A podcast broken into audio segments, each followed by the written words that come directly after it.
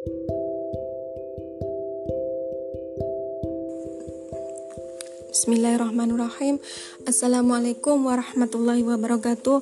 Alhamdulillahirrabbilalamin Pada malam hari ini Allah masih memberikan kita nikmat kesehatan eh, Kesempatan tentunya nikmat iman. Sehingga dengan nikmat, it, nikmat iman itulah Kita mau mendengarkan kajian pada malam hari ini eh, Semoga Allah ridho Semoga kajian ini berkah Semoga Allah senantiasa melembutkan hati kita untuk menerima kebenaran Islam. Salawat beserta salam tak lupa kita haturkan kepada junjungan Nabi kita Nabiullah Nabi besar Muhammad Sallallahu Alaihi Wasallam yang telah membimbing kita dari alam jahiliyah menuju ke alam yang terang benderang, sang teladan terbaik, manusia terbaik yang pernah ada di muka bumi.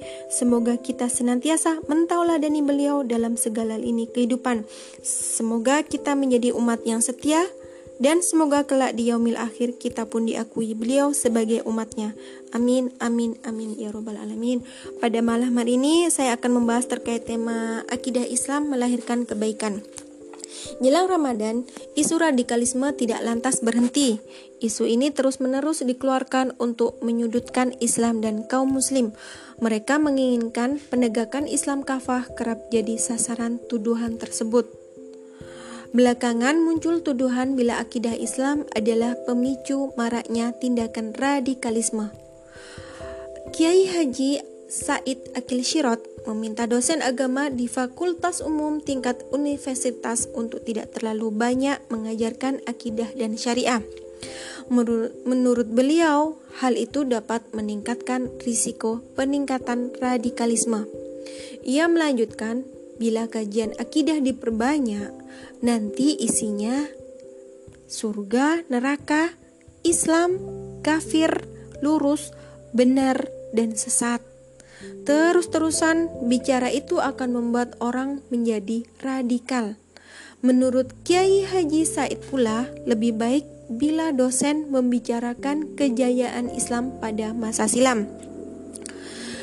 Akidah Islam mencakup keimanan, dan keyakinan seseorang muslim terhadap segenap ajaran Islam seperti keberadaan Allah Subhanahu wa taala, Al-Qur'an sebagai kalamullah, kerasulan Nabi Muhammad Shallallahu alaihi wasallam sebagai penutup para nabi dan rasul dan sebagainya.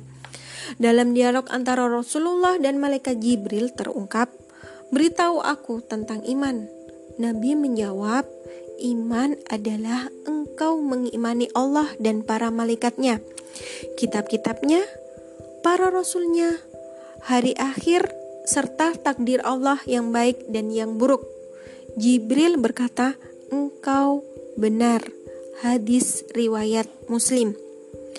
Akidah Islam adalah pondasi kehidupan kaum muslim. Dia akan menentukan kedudukan seorang di hadapan Allah dan sebab amalnya diterima. Jadi pondasi itu merupakan hal yang terpenting. Sebelum membangun yang disiapkan dulu pondasinya, bukan atapnya, bukan dindingnya, bukan tapi pondasinya.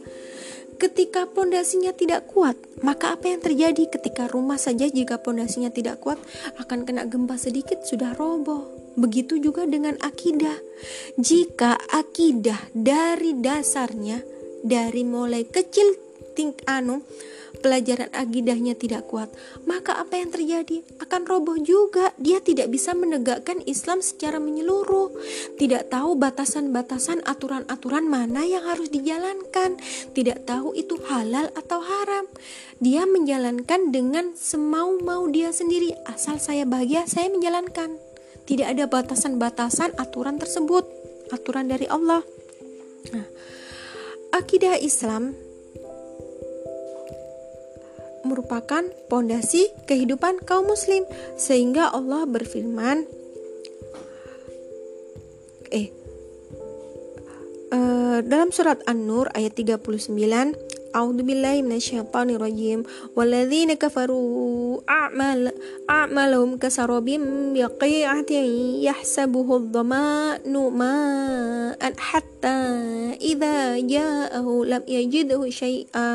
Orang-orang kafir itu amal-amal mereka laksana fata morgana di tanah yang datar yang disangka air oleh orang yang dahaga, tetapi bila air itu didatangi, dia tidak mendapati apa pun. An-Nur ayat 39.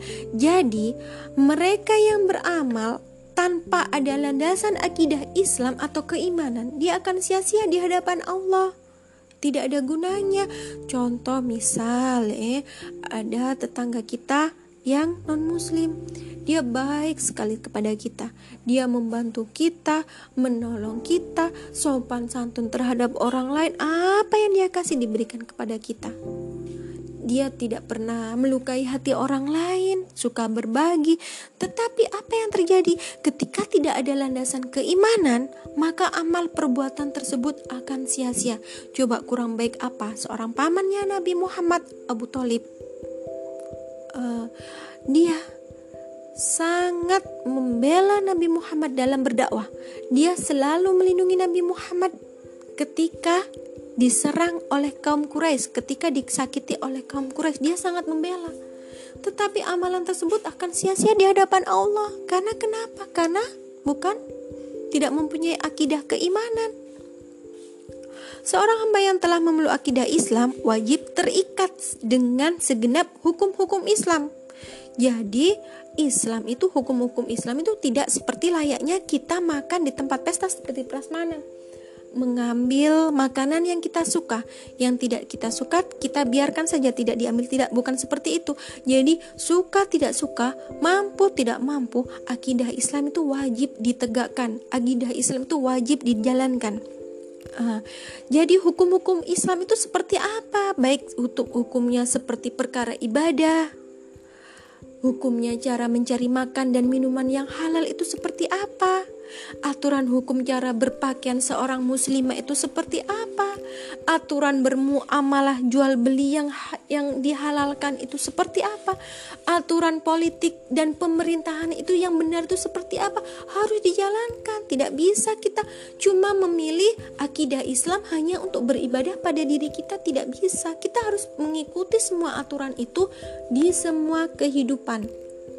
Allah mengingatkan mereka yang mengaku beriman tetapi menolak berhukum dengan ketetapan Allah dan Rasulnya.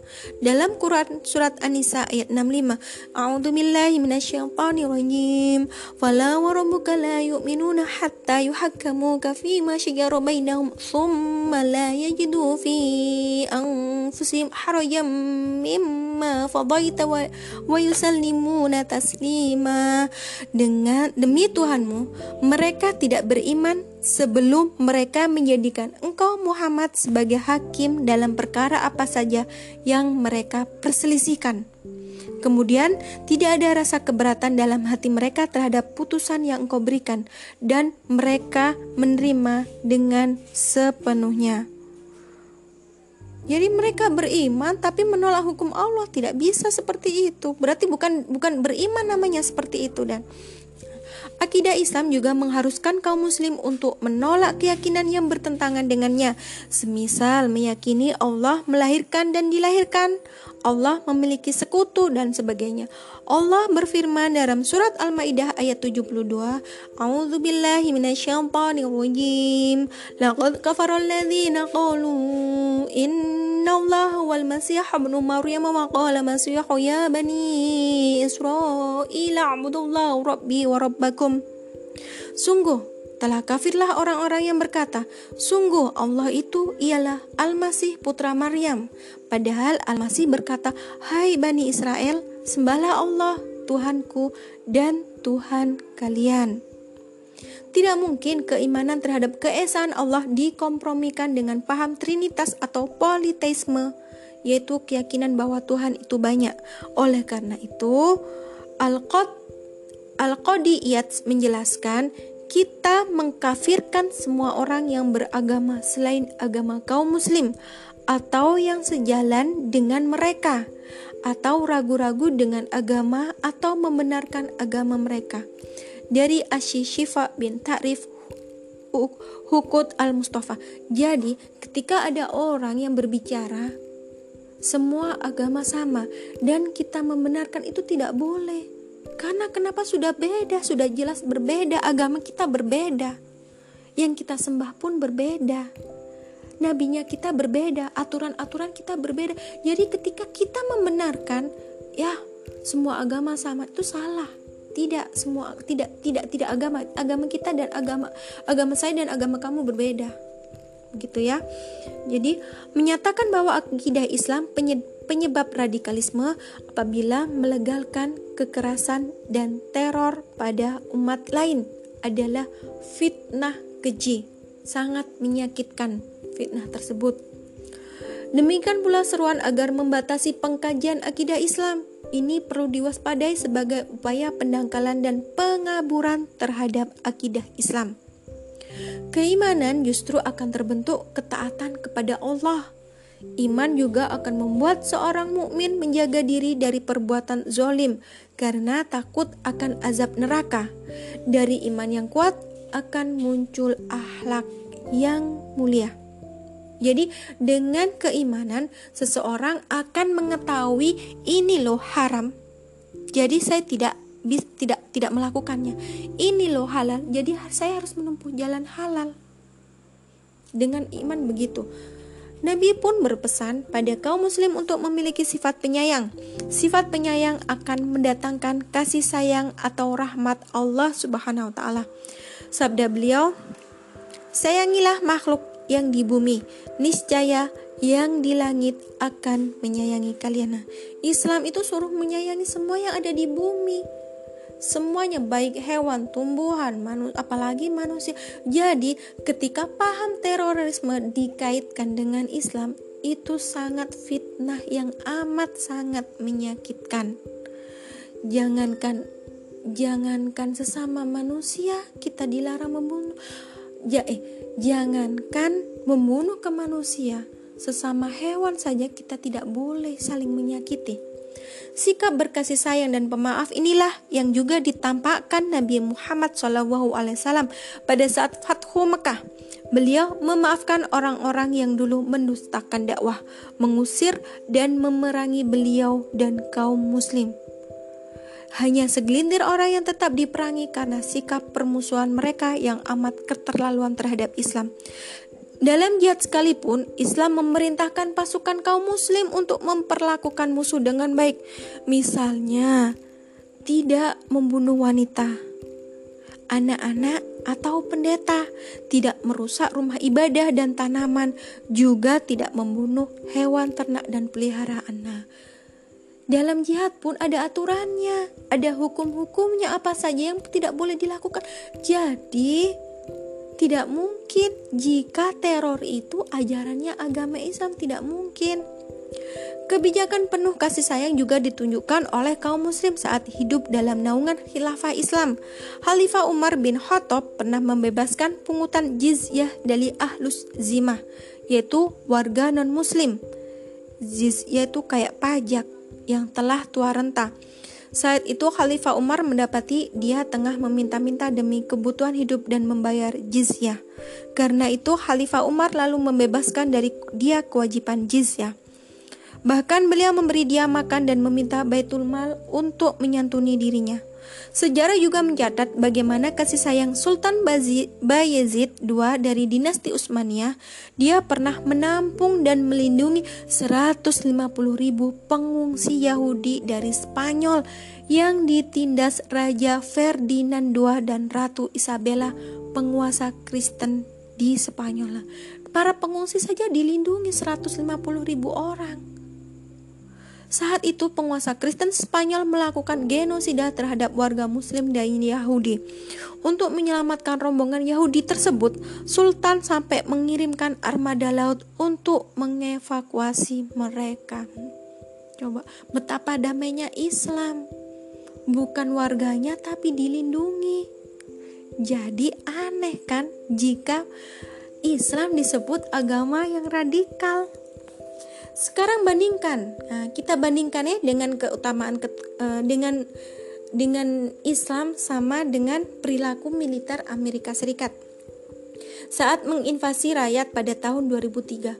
Dengan mengatasnamakan demokrasi, militer Amerika Serikat membunuh ratusan ribu rakyat Irak. Sebelumnya, Amerika juga telah menjatuhkan sanksi embargo pada rakyat Irak dengan melarang masuknya obat-obatan, makanan termasuk susu bagi anak-anak Irak. Lebih dari satu juta rakyat Irak tewas satu juta. Satu juta itu angka yang sangat banyak. Jadi lebih dari satu juta rakyat Irak tewas akibat embargo tersebut. Korban paling banyak adalah anak-anak karena ketiadaan makanan dan obat-obatan. Namun demikian tidak ada orang yang menuduh demokrasi melahirkan radikalisme, kekerasan dan terorisme. Amerika Serikat pun bebas dari tuduhan tindak terorisme terhadap warga Irak. Jadi, umat Islam itu wajib mewaspadai agenda terselubung di balik tudingan-tudingan radikalisme dan gerakan deradikalisme. Sebenarnya tujuan gerakan deradikalisasi adalah deislamisasi, yakni upaya mengurangi dan menghapus seruan dan pelaksanaan ajaran Islam secara kafah. Ada pihak-pihak tertentu yang tidak menghendaki Islam diamalkan kaum muslim secara total. Mereka cuma menghendaki Islam hanya ajaran ibadah dan akhlak saja atau Cuma muamalah saja yang memberikan keuntungan saja bagi mereka, seperti meminta dana wakaf dari umat, mengizinkan zakat dan sedekah, atau pembiayaan umroh dan haji. Jadi, ketika sudah melaksanakan sholat, zakat, puasa, haji, itu bukan radikal dianggap bukan suatu radikal, tetapi ketika kita menjalankan semua aturan-aturan dari Islam disebut radikal. Sangat lucu kan? Padahal Islam mengatur kesemuanya, mengatur masalah politik, mengatur masalah negara. Sekurang-kurangnya ada dua hal yang patut kita waspadai dari tudingan radikalisme ini. Pertama, Seruan ini adalah upaya untuk menjauhkan umat Islam dari agamanya sendiri. Apalagi ini apalagi ini menyangkut perkara akidah atau keimanan yang menjadi yang menjadi pondasi dasar kehidupan. Andai kaum muslim bisa dijauhkan dari akidah mereka, maka tidak ada lagi keterikatan dan pembelaan terhadap agama mereka sendiri. Yang kedua, bila kaum muslim telah jauh dari agamanya, apalagi merosot akidahnya, maka mereka mudah untuk disusupi paham sekularisme, pluralisme, dan liberalisme.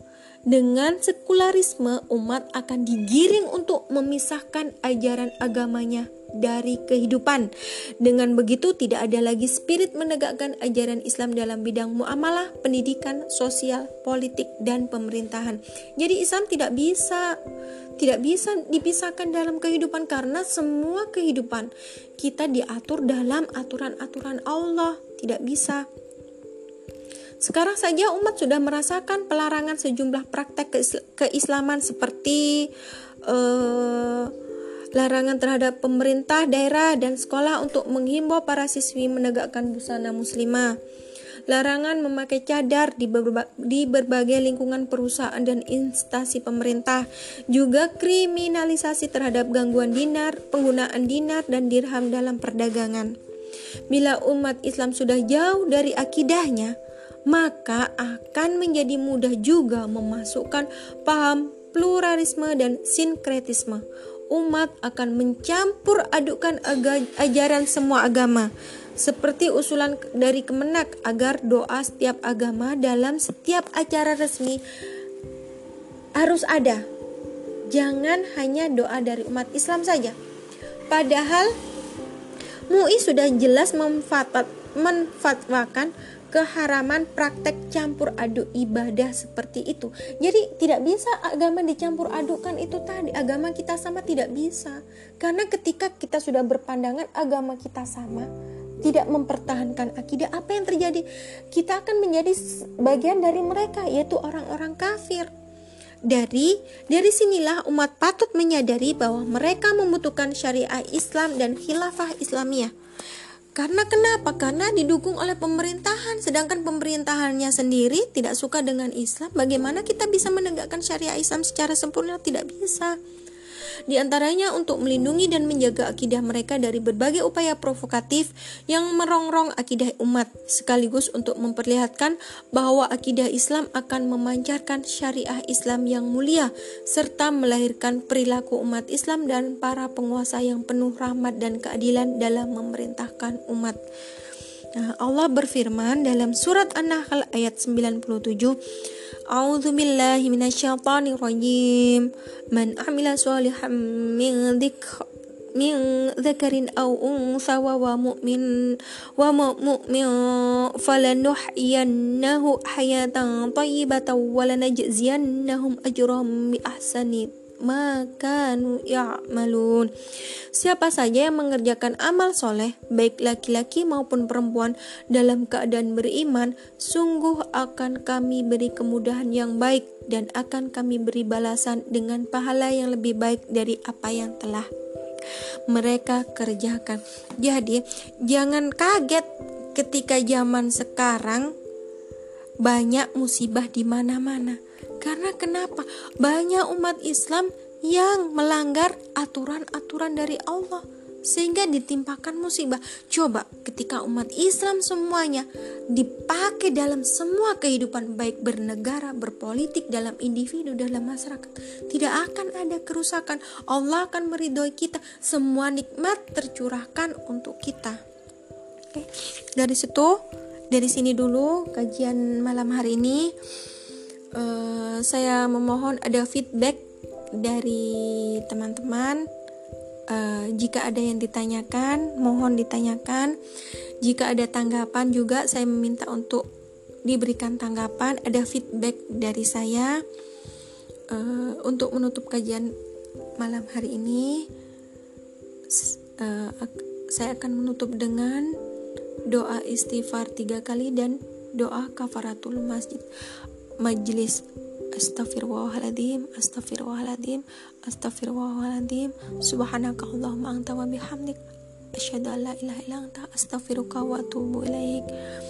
Uh, terima kasih jazakumullah khairan kasiron telah uh, mendengarkan sampai akhir. Wassalamualaikum warahmatullahi wabarakatuh.